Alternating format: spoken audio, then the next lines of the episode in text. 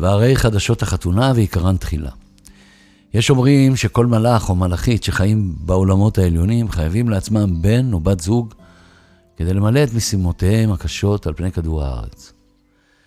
יש אומרים גם שהמלאכים בשמי ברלין, סרט של הבמאי הגרמני וים וימדרס, מתפרנסים לא רע. כלומר שאלוהים לארג' איתם בתנאים, כמו בחברות ההייטק, ושהזוגיות שלהם בדרך כלל מוצלחת מאוד, טוב, כי הרי הם מלאכים. אבל מה איתנו, האנשים הפשוטים, הזרוקים בפינות הרחוב? מה איתנו, אלה שנולדו לנקש את העשבים בחצר חיינו? מה איתנו, אלה שנולדו לברוח מאיסטנבול בגלל אזהרות מסע ולחפש את הטוב והמאושר, בעין, בכל מכונית מדגם פורש חולפת? מה קורה לנו שעה שאנחנו מחפשים זיווגים וזוגיות עם מאץ' היסטרי כדי להעביר את חיינו פה כמו יונה ויון? אז על זה אני רוצה לכתוב. כי את יודעת, מאמי, שלמרות שהמון אנשים נלהבים להתחתן עם טבעות, חינה וטחינה ועומר ועדן ברקע, החתונה היא רק העטיפה והצלופן של העסק הזה. ומה שקובע את ההמשך של הלוי דבי הראשוני, זה הלב השרוט מפגיעות ומדחיות של כל אחד מאיתנו. א' ב' יהושע מכונה בולי מת. מה אני אגיד שלא אמרו על סופר הנפש הזוגי הנפלא הזה? אני חונק דמעות ושותק. ואחר כך אני דוחף בצער את הדלת אל החיים הפרוזאיים שהוא כתב עליהם בכישרון כזה מטורף. וככה אני מתקרב לדבר על מה שרציתי לדבר עליו פה מראש. וזה על חתונמי, שהיא תוכנית הריאליטי הכי פופולרית בטלוויזיה בימים אלה, מלבד סקר המנדטים של ערוצי החדשות. חתונמי היא תוכנית שבה אנחנו הצופים נתבעים מרצון להציץ בה, כמו החתול מוציק צוציק, כן, מוציק צוציק, זה שעובר הרגע בחצר, ליד חלון הסלון שלנו. הוא, כשהוא רואה אותי מנקר מול הטלוויזיה בתוכנית המדוברת, הוא שואל, תגיד חמוד, אתה עוד חי בפורמט הישן של הזוגיות ללא חתונה? אז אני מסתכל עליו ואומר, כן חתולי, אני שם. עצוב על הסופר האהוב עליי. אבל אם מדברים על חתונמי, אז אני נהיה טיפה שמח, כי ברור שאם טקס החתונה ממבט ראשון עובר בשלום, נניח והכלה לא בורחת כמו בסרט הבוגר עם דסטין הופמן, אז יש פה תוכנית מהנה עם סופר רייטינג. אגב, הכלבים של המשתתפים תופסים חלק נכבד בעונת הזוגיות 2022. ויש אחת מקסימה מבין המשתתפות שמחוברת לכלב שלה בעבותות אהבה, מכנה אותו אפילו הילד שלי, למגינת ליבו של השידוך המקסים שלה, בן הזוג. אז אני אפשפש בזיכרונותיי ושואל את עצמי, האם היא ואני, שיצאנו שנתיים, on and off, בשנות ה-70, כן? שנות ה-70, לפני החתונה, באמת הכרנו יותר בליל הכלולות האמיתי שלנו. הרי לא היה לי אז שמץ מושג שרצתה לישון באותה שמיכה, כשאני רציתי לישון בשתי שמיכות נפרדות. אני רק זוכר שכל הזמן ניסינו להתגבר על הבושה כדי למצוא את מפתח הזוגיות הנסתר כל כך מעינינו. אז זה חבר'ה חתונמים, אם אפשר לקרוא לכם ככה. רציתם להתחתן, אבל עם פרצופים לא ידועים מראש, מה שנקרא דכדוך השידוך, אז תתחילו לעבוד בזה. כלומר, להכיר את האדם שאינך מכיר. להתרגל לפנים שלו, לריח, להרגלים המוזרים. לקום כשהיא באה, או לשבת כשהיא הולכת.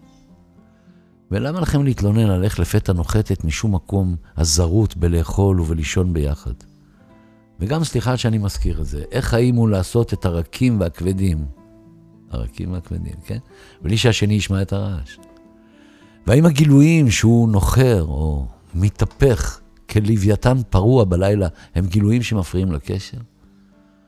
ובינינו, אלה בסך הכל שאלות די רכות יחסית להתאמה הרוחנית, הקרמטית, הסקסית והשכלית. כי אם לא פשוט ללמוד איך לחיות ולא למות, אז בטח קשה ללמוד איך להתחתן בלי להתלהב ולהתאהב ולהימשך, מה שקורה לא פעם בתוכנית הזאת. אבל השנה גיליתי את הקסם הגדול והאופטימי של חתונמי. והקסם הזה טמון בעיקר במסקנות שהתוכנית משליכה על הזוגיות הפרטית שלנו. כן. במילים אחרות, מצאתי שלא פעם, למחרת השידור בבוקר, אנחנו נהיים קצת הם. כלומר, דומים, שונים, מצחיקים, מתעתעים ומלאי כוונות טובות כמוהם. כי כמוהם, גם אנחנו מאמינים שהחיים יחד יהיו תמיד טובים יותר מהלבד הזה. שנדע לתקן את המקולקל, כמו נניח בבישול במטבח, בסלון בין הכלבים, ובדרכים המובילות על סירת עץ בים, בדרך לקשת הזוגית בענן. אה, חתונה ממפוצצת, אמונות עיוורות כאלה. למשל, האמונה באל המזווג זיווגים. האמונה המקבילה בשני המזווגים האנושיים, יעל ודני, או אמונה בשירים, משיר החתונה החשוב. שם אחת שמתרוצצת ואומרת, זה לא השיר שלי. ועד שירי הרכב בנסיעות של הזוג הטרי, לרוב של עידן רייכל. יש גם את האמונה בכלבים, בכלבים שלהם, שיסיטו את העיקר אל הטפל בטיולים מצולמים בערב. או האמונה בספה שבדירה, שעליה הסתרעו ברגעי השעמום. ובעיקר האמונה הכללית ששני אנשים, שאומנם חתמו חוזה של 42 יום לחיות יחד, יפליגו בהצלחה, כמו נוח המנוח מתיבת הנוח, שניהל קרב הישרדות מוצלח, בין 40 יום ולילה עם שלל הזוגות ששטו איתו בתיבה בדרך לערערת, רק בלי מצלמות. אוי, תנו לי להכיר את האנשים האופטימיים שמקעקעים ישר בתחילת הקשר שלהם את שם אהובתם על החזה, וכשהם מגלים אחרי זמן שאהבה אולי דעתה, הם מנסים להסיר את הקעקוע או נלחמים על הקשר בטיפולים זוגיים בשיטת האימאגו למשל, בה הם לומדים לדבר ולהקשיב בו זמנית. אנשים כאלה, גם הם ממשיכים את הקשר הזוגי שלהם לא פעם, מה שנקרא, רק בשביל הילדים, רק בשביל התנועה והמפלגה. וזה מה שנקרא להמשיך בכוח האנרציה. אז אני מחייך כשאני מפשפש באינרציית זיכרונותיי הישנים. למשל, איך חשבתי בתמימות על חתונה כשהייתי כבר בן 16 בתיכון, ואיך התעסקתי בשאלה הזאת, איך אני אציע לה בבושתי להתחתן. איך אני, איך אני אגיד לה את זה? רק שעם הזמן השאלה הזו התפוגגה, כי נדמה לי שהיא הייתה זו שהציעה לי להתחתן בגיל 20. רק אחר כך למדתי שהמילים נוטשות אותך, כמו שאנשים נוטשים אותך. ושמילים גם מייצרות מציאות כמו זו שניסחה סרבנית חתונות בעלת הומור רב. מה היא אמרה? אני מכורה ללבד ולסלט שלי, וכבר שנים לא מכניסה גבר לבית, אפילו לא לארוחת שקשוקה חריפה. נו, אז באמת, אף אחד לא בא. חתונמי, גם אם היא כלי בידורי, היא קודם כל ניסיון לייצר רגש אמיתי כלפי מישהו או מישהי מבלי להכיר אותה מראש. אז אנחנו ממשיכים להביט בתוכנית, בדבקות, עוד מימי הקורונה ההיא. כי אנחנו חיים באשליה, שתכף נגלה את הזוג הכי הכי בעולם. כלומר, את הכי מאושרים, הכי מתאימים, הכי סאחים, והכי מבינים זה את זו, לעומתנו כמובן. בולי, זיכרונו לברכה, הוא כתב את מרמני, המאהב, והשיבה מהודו, זוכרים? אלה היו ספרים מלאי מסקנות על החיים והזוגיות. אבל, סורי, כנראה כמו הממשלה שעומדת עמידת עץ ביוגה על רגל אחת, אין דבר כזה זוגיות מושלמת. והעיד על כך המשל המוזר הבא, על אהבה, שסיפר לי פעם איש זקן מאוד, שנחשד בעיניי כמלאך. הוא סיפר ככה, זוג אחד התחתן על אמת, ואז היא שאלה אותו, תגיד בייבי, כמה זמן זה יימשך לדעתך? אז הוא ענה לה, כמה זמן לקח ליוליה ולרומאו עד שהתאבדו? אז היא הביטה בו לרגע ארוך ומשמעותי, ומיד אחר כך עזבה אותו. זהו. לא יודע למה אנשים עוזבים כשהם אוהבים. אמא שלי הייתה אומרת, כי הם לא מסתדרים יחד. וסבתא, היא הייתה אומרת שצריך לגדל אהבה וזוגיות במעבדה. אחרת זה לא צומח. אלה היו החדשות, חדשות החתונה, ועיקרן תחילה. שתהיה לכם בריאות טובה ורק טוב וימים טובים. ומחר חתונמי, והיום שבת שלום. שלמה ארצי.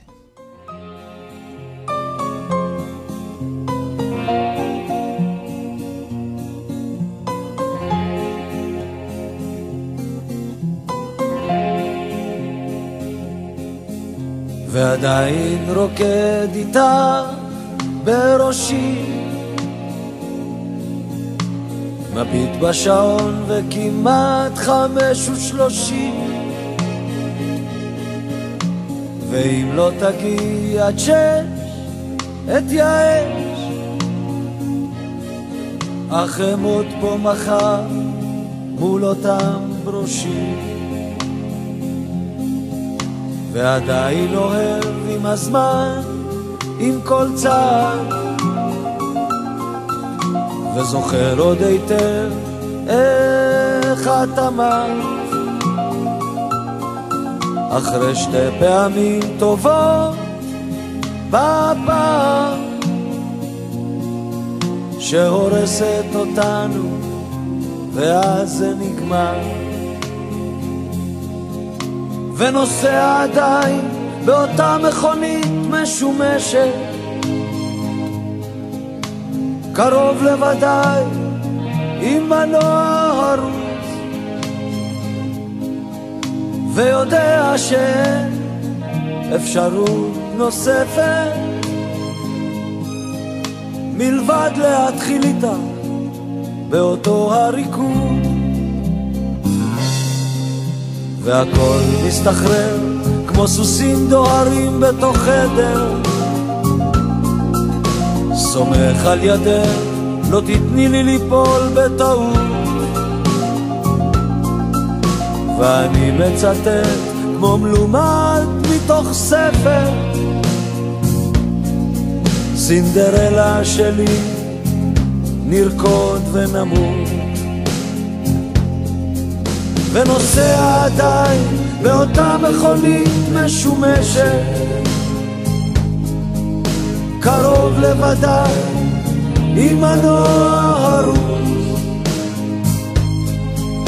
ויודע שאין אפשרות נוספת. מלבד להתחיל איתה באותו הריקוד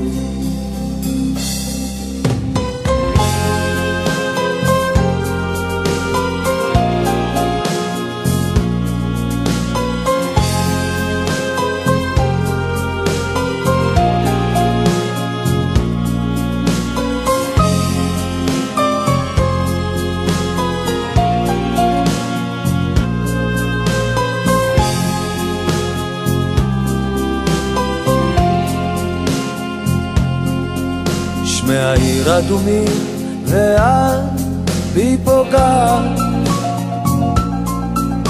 ושני ילדים צוחקים מהשיר. כי איך את לא באה, איך את לא באה? קבענו לרקוד בחמש ושלושים